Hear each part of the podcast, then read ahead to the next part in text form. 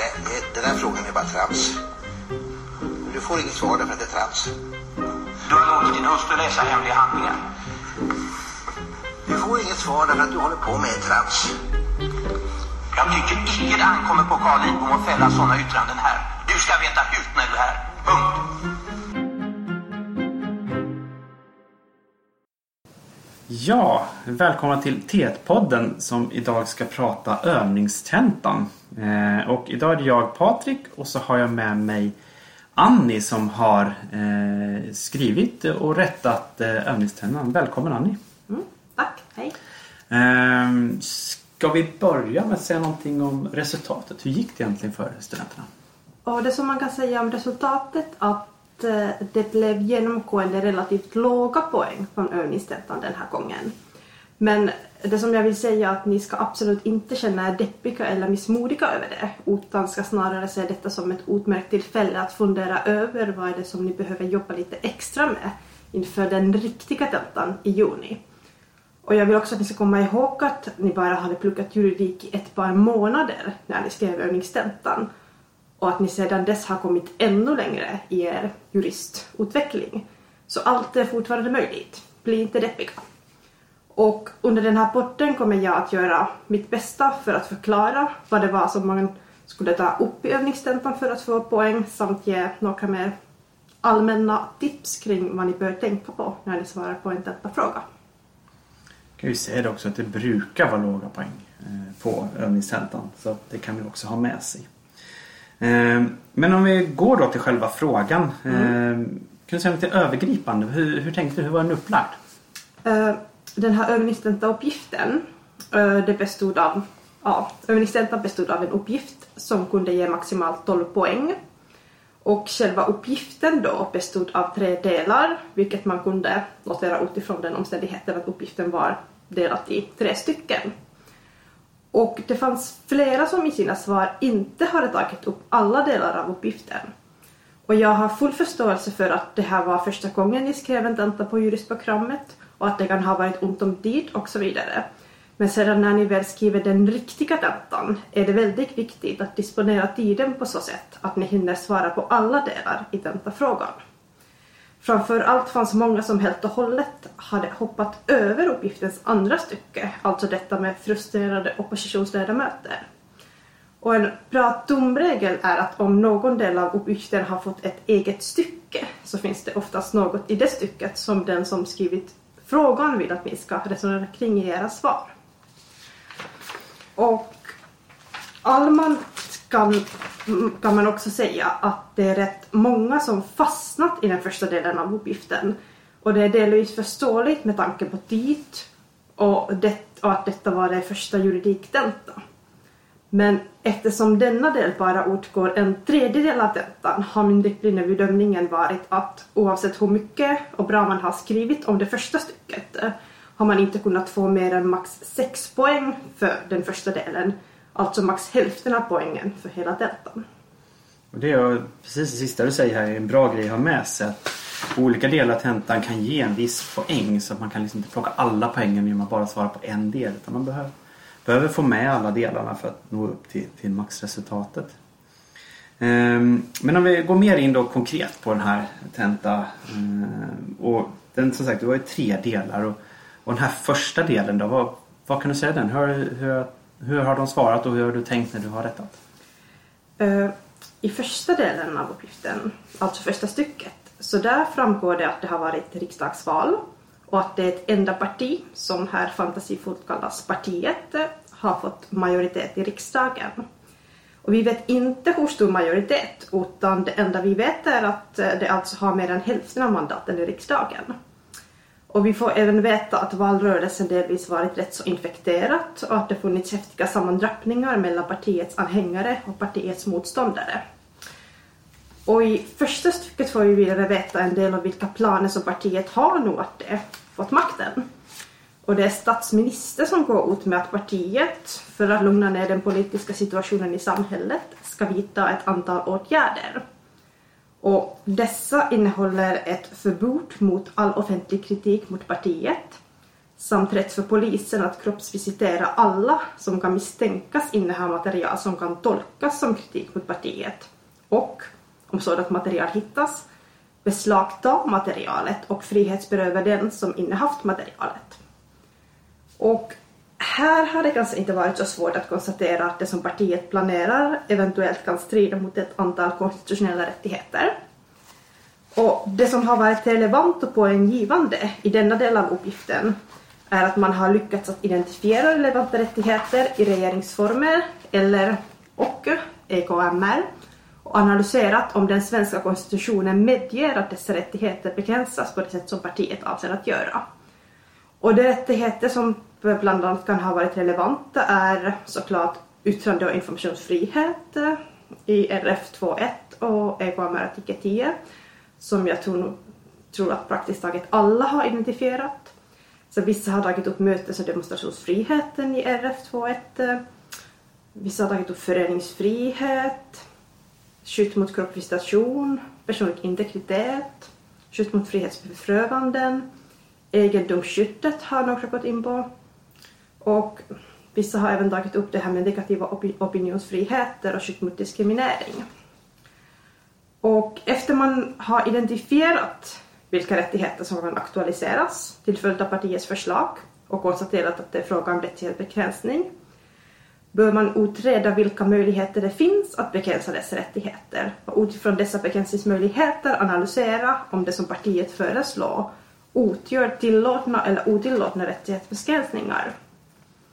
Och det som framförallt har gett poäng är just analysen av partiets möjligheter att begränsa de rättigheter som är aktuella. Det bör inte ha varit alldeles för svårt att konstatera vilka rättigheter som aktualiseras och sedan hitta bestämmelser om hur de kan begränsas.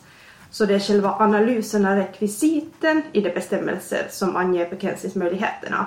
Alltså framförallt LF 220 eh, och sen fram till LF224, eller den relevanta bestämmelsen i EKMR som har varit poänggivande. Har man fått en utförlig diskussion kring frågan om det överhuvudtaget är fråga om en rättighetsbegränsning, alltså med detaljerat diskuterat syfte, sanktion och skyddsområde och effekter, har väl det kunnat ge lite extra. Men här det viktigaste har alltså varit att man analyserat rekvisiten i de relevanta lagrummen i RF eller de relevanta artiklarna i EKMR. Och jag måste säga att många, många svar har lämnat en del att önska vad gäller struktur och systematik i rättighetsanalysen. Och här har det varit väldigt centralt att man verkligen läst noggrant vad som står i de relevanta bestämmelserna och på ett systematiskt sätt, rekvisit per rekvisit, analyserat om förutsättningarna för rättighetsbegränsningar är uppfyllda i det fallet. Och ett, ett konkret exempel som jag skulle vilja ta upp är att många har skrivit något i stil med att det framgår av RF 221 första meningen att rättighetsbegränsningar måste vara godtagbara i ett demokratiskt samhälle. Och det låter väl bra. Men vad som faktiskt står där är att begränsningar enligt 20 paragraf får göras endast för att tillgodose ändamål som är godtagbara i ett demokratiskt samhälle. Alltså är det enda målet med begränsningen, inte själva begränsningen, som ska vara godtagbart i ett demokratiskt samhälle. Och här har flera konstaterat att partiets begränsningar inte är godtagbara i ett demokratiskt samhälle. Men egentligen är det enda målet med partiets begränsningar som ska vara godtagbart. Och i detta fall kan man tänka sig att deras enda mål var att lugna ner den politiska situationen i samhället vilket mycket väl kan tyckas vara ett ändamål som är godtagbart i ett demokratiskt samhälle. Och här har det också varit viktigt att uppmärksamma, vilket många hade missat, att RF 223 och 224 innehåller en lista över de ändamål som är godtagbara för att motivera rättighetsbegränsningar i fråga om yttrande och informationsfrihet och mötes och demonstrationsfrihet. Här behövde man alltså hoppa från RF 221 första meningen vidare till RF 223 eller RF 224 och sen tillbaka för att kunna konstatera om ändamålet med partiets begränsningar var godtagbart. Och i RF 223 eh, finns det ytterligare i andra stycket några ytterligare krav som ställs för begränsningar av yttrandefrihet, vilket också var viktigt att uppmärksamma. Sedan är det också viktigt att man analyserat alla rekvisit som funnits i de relevanta bestämmelserna. I fråga om RF 221 har några till exempel hoppat direkt till den sista rekvisiten i paragrafen, alltså att begränsningen inte får sträcka sig så långt att den utgör en hot mot fria åsiktsbildningen, såsom en av folkstyrelsens grundvalar, och att begränsningen inte får göras enbart på grund av politisk, religiös, kulturell eller annan sådan åskådning. Man måste dock ha tålamod och gå igenom alla rekvisiten och inte ta några, några genvägar. Och sen vill jag också säga att man inte har fått några poäng om man har tagit upp EU-rätt, till exempel stadgan, då det inte framgår av uppgiften att EU-rätt på något sätt skulle vara relevant. Är det någonting med den här första delen som säger det här vill du särskilt skicka med dem? Det som jag tycker är väldigt viktigt att tänka på är att ni verkligen läser väldigt noggrant vad som står i de lagbestämmelser som ni analyserar eh, i samband med tentan. Och att ni verkligen läser noggrant vad som står i de olika rekvisiten och att ni har tålamod, att ni tar det steg för steg och går igenom alla rekvisiten och inte tar några genvägar och inte drar alldeles för snabba slutsatser. Ja, om vi sen då går vidare och lämnar det här rättighetsbiten lite grann och kommer in på det här med oppositionen som, som blir arg. Mm. Eh, hur har tankarna gått i den, den delen? Precis, så i andra stycket eh, i uppgiften där framgår det att som Patrik säger, att oppos oppositionen inte blir så jätteglad när de får höra om de ändringar som partiet planerar och vill sätta stopp för dessa. Så här ska man alltså fråga sig vilka är de rättsliga förutsättningarna för att partiet ska kunna genomföra de planerade ändringarna samt vilka rättsliga möjligheter oppositionen har att påverka partiets möjligheter att genomföra de här ändringarna. Och man har förhoppningsvis uppmärksammat i samband med del 1 att eventuella rättighetsbegränsningar måste göras genom lag. Så här har man till exempel kunnat få poäng genom att uppmärksamma saker som, som att det är riksdagen som är folkets främsta företrädare, RF 1.4, att det är riksdagen som stiftar lagar, RF 8.1, och att, det är riks, att riksdagen beslutar med enkel majoritet, RF 4.7. Alltså hur det rent faktiskt går till när riksdagen stiftar lagar. Man har även kunnat få poäng om man har uppmärksammat att lagrådet ska höras när det handlar om en rättighetsbegränsande lagstiftning, men att riksdagen är oförhindrad att kluppa igenom lagen oavsett om yttrandet har hämtats eller inte och oavsett vad som faktiskt står i yttrandet. Och då är vi i RF 821. Allmän diskussion om normgivningsmakten i kapitel 8 i regeringsformen har inte gett poäng då lagkravet i samband med rättighetsbegränsningar framgår av LF kapitel 2, så man har inte behövt gå till kapitel 8. Mest poäng har man kunnat plocka i den här delen om man har uppmärksammat det minoritetsskydd som framgår av RF 222. Detta är den absolut viktigaste bestämmelsen som den frustrerade oppositionen har tillgång till för att försöka sätta stopp för partiets planer om rättighetsbegränsande lagstiftning. RF 222 gör det möjligt att vilande förklara ett lagförslag som begränsar rättigheter enligt RF 220 i 12 månader om minst 10 ledamöter kräver det. Och här vet vi som sagt inte hur stor majoritet partiet har, men om det finns åtminstone 10 stycken oppositionsledamöter kan det alltså förhala processen och se till att förslagen blir vilande i ett år.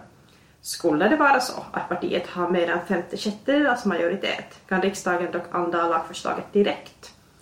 Och det finns inget som hindrar, att riksdagen, hindrar riksdagen från att anta lagförslaget efter att det har vilat i 12 månader, om det fortfarande finns en majoritet som vill det. Och här har det också varit så att har man uppmärksammat minoritetsskytten i riksdagsordningen så har det också kunnat ge lite extra poäng. Så Egentligen kan man konstatera att oppositionen inte på något sätt kan förhindra att en riksdagsmajoritet förr eller senare genomför dessa skandalösa, skandalösa förändringar. Det är rätt många som i sina svar har konstaterat att riksdagen inte kan genomföra de föreslagna ändringarna därför att det strider mot grundlagen och att riksdagen måste ändra i regeringsformen för att kunna genomföra ändringarna. Och det har varit poänggivande att ta upp grundlagsändringarna men egentligen finns det inget som hindrar att ett riksdagsmajoritet, även utan några som helst grundlagsändringar, rent faktiskt stiftar lagar med det innehåll som framgår av första delen av uppgiften. Och nästa fråga är sen såklart eh, vad som händer vid rättstillämpning eh, när, med de lagar som partiet har antagit och som alltså kan strida mot grundlagarna. Här har man kunnat få poäng om man har diskuterat den normkontroll som finns efter det att dessa lagar har klubbats igenom. Och här har många uppmärksammat lagprövningsrätten i RF 1114 och RF 1210. Så även om lagarna blir stiftade har domstolar och förvaltningsmyndigheter möjlighet att låta bli att tillämpa dem om de anser att lagarna strider mot grundlagen. Här har man också kunnat ta upp EKMR och RF 2.19 som säger att riksdagen inte får anta lagar som strider mot EKMR och få poäng för det. Och det som kan sägas rent allmänt om del 1 och 2 att det är många som har uppmärksammat RF 1.1 vilket är viktigt och bra eftersom det som står där på flera sätt är relevant för just den här uppgiften. Det som framgår av regeringsformens första paragraf är att all offentlig makt utgår från folket och att den svenska folkstyrelsen bygger på en fri åsiktsbildning samt att den offentliga makten utövas under lagarna. Och med tanke på omständigheterna i uppgiften finns det alltså en viss spänning mellan dessa svenska statsskickets grundläggande principer då vi å ena sidan har en folkvald riksdagsmajoritet, alltså all offentlig makt utgår från folket, som i sin tur vill begränsa den fria åsiktsbildningen. Det folkvalda partiet ska också utöva sin makt under lagarna, såklart. Och här kommer man in på intressanta frågor om just rättsstatens natur som man såklart inte har behövt fördjupa sig i inom ramen för ombestämda uppgiften. Men jag vill bara säga att jag tycker det är jättebra att så, många, så pass många har uppmärksammat just den här portalparagrafen. Jag tycker också det är viktigt här som du påpekar när det gäller kapitel 8 kapitel 2 här att, det, att kapitel 2 när det gäller rättighetsbegrepp så är det kapitel 2 som är normgivningsreglerna och då inte kapitel 8 som är det säga, ordinarie normgivningsreglerna. Eh, viktigt att ha med sig. Ja, och sen så kommer då den sista delen när eh, polisen ska ingripa i den frustrerade oppositionens demonstrationer här. Så det. Precis, och i den sista delen av uppgiften, alltså det tredje stycket, så där har vi ett gäng människor som samlas utanför riksdagen för att visa sitt missnöje med partiet och de ändringar som partiet planerar. Sedan dyker det också upp ett annat gäng som istället vill visa sitt stöd för partiet. Och de dyker alltså upp på samma plats. Och sedan kommer såklart polisen och det som polisen gör är att polisen griper och avslängnar alla motståndare till partiet från platsen. Och här är det till en början viktigt att notera att när händelserna i sista stycket äger rum har partiet ännu inte genomfört de ändringar i första stycket som ni har analyserat tidigare i uppgiften. Det är precis mot dessa föreslagna ändringar som de här människorna utanför riksdagen protesterar. Och alltså måste man i sin analys utgå från att svenska rättssystemet ser ut precis som det gör annars. Här har man till en början kunnat få poäng om man har identifierat vilka konstitutionella rättigheter som aktualiseras i situationen. Mest uppenbart är det mötes och demonstrationsfriheten och eventuellt även skyddet för frihetsberövanden som aktualiseras. Många har sedan analyserat de rättsliga förutsättningar som finns för att begränsa ja, till exempel just demonstrationsfriheten på samma sätt som man analyserade rättighetsbegränsningar i uppgiftens första del. Som jag var inne på tidigare så har det varit viktigt att uppmärksamma RF224 och den lista över godtagbara ändamål för att kunna begränsa demonstrationsfriheten som finns där. Så att har man diskuterat rättighetsbegränsningar har det alltså kunnat ge poäng. Vad gäller polisens agerande så har många analyserat det med utgångspunkt i det krav för rättighetsbegränsningar som framgår av RF2 20 och framåt. Och det är helt rimligt att börja där, då det är där man hittar förutsättningarna för att bekännelse, mötes och demonstrationsfriheten i lag. När man ska bedöma om polisens agerande i dessa typer av situationer är lagligt är det dock i regel inte grundlagen man tittar på. Polisen brukar inte stå där ute med regeringsformen i handen och fundera över om det, om det är gripande det ska göra och uppfyller rekvisiten för rättighetsbegränsningar i RF kapitel 2. Utan polisens agerande i dessa typer av situationer brukar regleras i lag, till exempel ordningslagen eller polislagen, alltså i vanliga lagar man antagit med stöd av bestämmelserna i RF. Och nu tänker ni alla såklart på T1-lådan och funderar över om tanken var att ni skulle gå utanför T1-boxen och rota runt bland vanliga icke-konstitutionella lagar. Men det är inte alls det som varit tanken, utan här var tanken att ni skulle uppmärksamma legalitetsprincipen och konstatera att polisen måste ha lagstöd när polisen griper och avlä avlägsnar partimotståndarna från platsen. Ni har inte behövt säga vilken specifik lag som skulle kunna utgöra lagstöd för polisen, utan enbart konstatera att det krävs lagstöd. Så har man uppmärksammat legalitetsprincipen i RF 1.1, eh, tredje stycket, har man fått poäng. Förutom legalitetsprincipen har man också fått poäng om man har uppmärksammat andra offentligrättsliga principer som aktualiserar situationen. Om man nu utgår från att polisen hade lagstöd för sitt agerande kan man fråga sig om polisen agerade i enlighet med proportionalitetsprincipen när det krävde och avlägsnade partimotståndarna.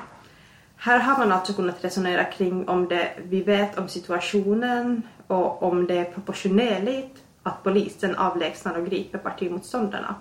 Till exempel kan man fråga sig fanns det inte mindre ingripande sätt att förhindra att situationen eskalerar till våldsamheter än att faktiskt gripa av, avlägsna hela gänget. Så resonemang kring proportionalitetsprincipen har gett poäng. Sedan har även resonemang kring objektivitetsprincipen i RF 1.9 gett poäng. Polisen griper och avlägsnar alltså enbart partiets motståndare och inte det som stödjer partiet. Här har man kunnat resonera kring polisens agerande i förhållande till det som står i RF 1.9 om att polisen i sin verksamhet ska beakta allas likhet inför lagen samt iaktta saklighet och opartiskhet.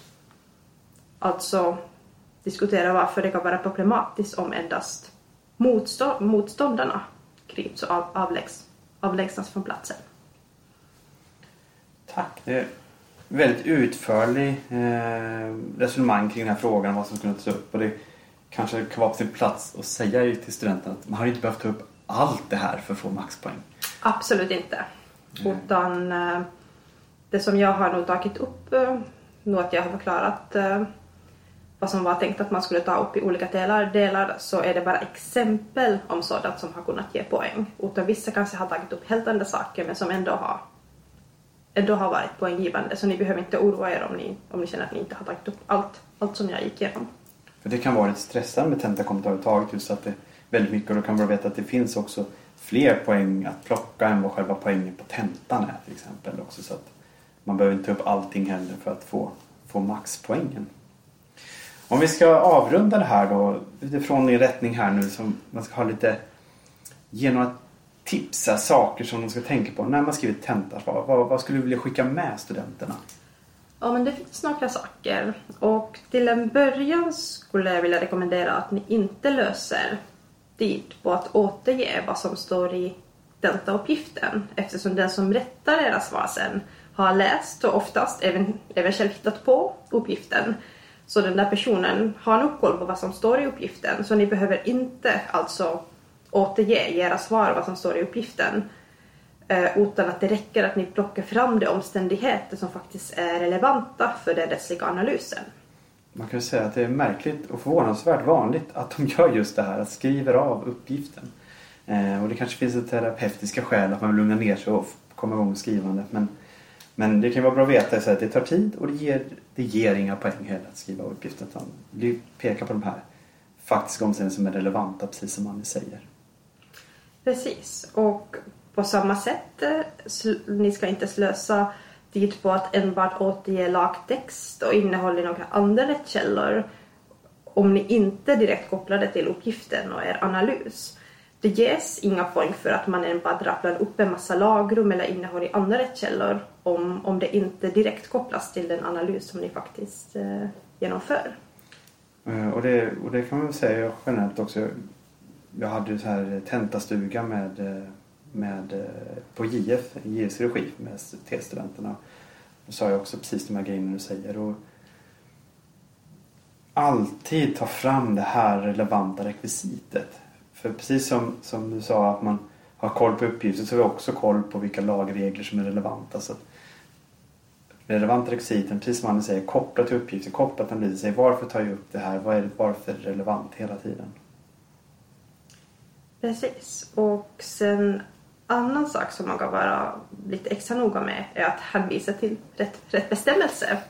Och an, alltså ange en rätt, rätt paragraf och sen även att hänvisa till rätt del av den relevanta bestämmelsen och tänka på att det faktiskt finns skillnad mellan stycke och punkt, vilket man måste vara lite extra noggrann med när man till exempel tittar i RF 2.1 där de flesta flera av de rättigheter som har varit aktuella just för den här övningstentan regleras.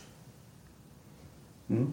Eh, och det är precis eh, att hela tiden vara med noggrann och, och igen koppla ihop det här rätt. Och, som du var inne på även när du gick igenom uppgiften att skilja på olika, att inte klumpa ihop en massa rättigheter utan att man, man håller isär dem också. Man vet vad är det du diskuterar nu för någonting. Precis, och Eh, precis, och det var nästa sak som jag också tänkte att säga att man ska när man ska analysera rättighetsbegränsningar så man ska inte ta rättigheter i en klump utan man ska analysera varje rättighet för sig. Och eh, även inom ramen för regeringsformen. Till exempel eh, om man ska analysera förutsättningar för, för att begränsa skyddet, för, skyddet mot kroppsvisitation och skyddet mot frihetsberövanden inom ramen för regeringsformen så det är inte bra att klumpa ihop de två rättigheterna och köra en, en gemensam analys för rättighetsbegränsningar även om det är samma bestämmelser i RF som aktualiseras i fråga om just begränsningar utan att man, det är viktigt att man verkligen tar varje rättighet för sig. Och på samma sätt så ska man inte blanda ihop eh, analysen eh, för rättigheter i regeringsformen och EKMR utan man ska hålla de här två rättighetssystemen isär när man analyserar begränsningar. Och det du säger är ju jätteviktigt eftersom det inte är samma rekvisit i EKMR som i RF. Eh, som du hade uppe det här med ändamål som är godtagbara i demokratiskt samhälle i RF och i EKM är då legitima syften. Så att det är olika diskussioner. Lagkrav betyder inte samma sak. Så det är jätteviktigt, precis som du säger. Och sen det som jag också tänker att man ska vara väldigt noggrann med att man inte drar för snabba slutsatser. Utan se till, ni ska se till att om ni drar några slutsatser att ni underbygger det med en analys. Eftersom det är analysen och argumentationen som är det viktigaste i en tenta, inte själva slutsatsen en slutsats utan någon analys är sällan poänggivande. Till exempel i övningstentauppgiften går man inte så långt med att enbart konstatera att de ändringar som partiet föreslagit stred mot rekvisiten i RF 221 utan att faktiskt visa på på vilket sätt det gjorde det. Även om slutsatsen i vissa fall kan kännas självklar, till exempel att det som partiet föreslår strider mot skyddet för yttrandefrihet i RF, så måste man ha tålamod och gå igenom de olika stegen och föra rättslig argumentation innan man kommer fram till något. Alltså dra inte för snabba slutsatser om att något strider mot grundlagen eller, eller att något inte är proportionerligt. Det är väldigt viktigt med struktur och systematik när ni skriver, när ni skriver ett tentasvar och att ni verkligen, alla era slutsatser underbyggs av rättslig argumentation och analys. Där kan man också lägga till att man inte heller skulle ha för svepande slutsatser. Man säger att det är odemokratiskt eller sagt som du säger strider mot grundlagen. Eh, för det kanske man inte heller har stöd för utan då får man nyansera det också eh, när man går igenom, precis som du säger, rekvisit för rekvisit. Har du något, eh, något mer du vill skicka med studenterna? No, men kanske sån, bara en sån sak att eh, hänvisa inte till läroböcker när ni redogör för relevanta rekvisit i de bestämmelser som är aktuella eh, när ni skriver ett tentasvar utan hänvisa direkt till lagtext. Och eh, ni behöver inte heller i ert tentasvar uttryckligen hänvisa till Anna-Saras föreläsning även om ni använder den metod som hon tog upp där under sin föreläsning. Utan ni kan, ni kan bara använda hennes metod. Ni behöver inte uttryckligen säga att ni gör det. Då kan vi tillägga att en föreläsning heller är aldrig en rättskälla. Utan då måste man hänvisa till kurslitteraturen då eller direkt, som du säger, direkt till lagtext.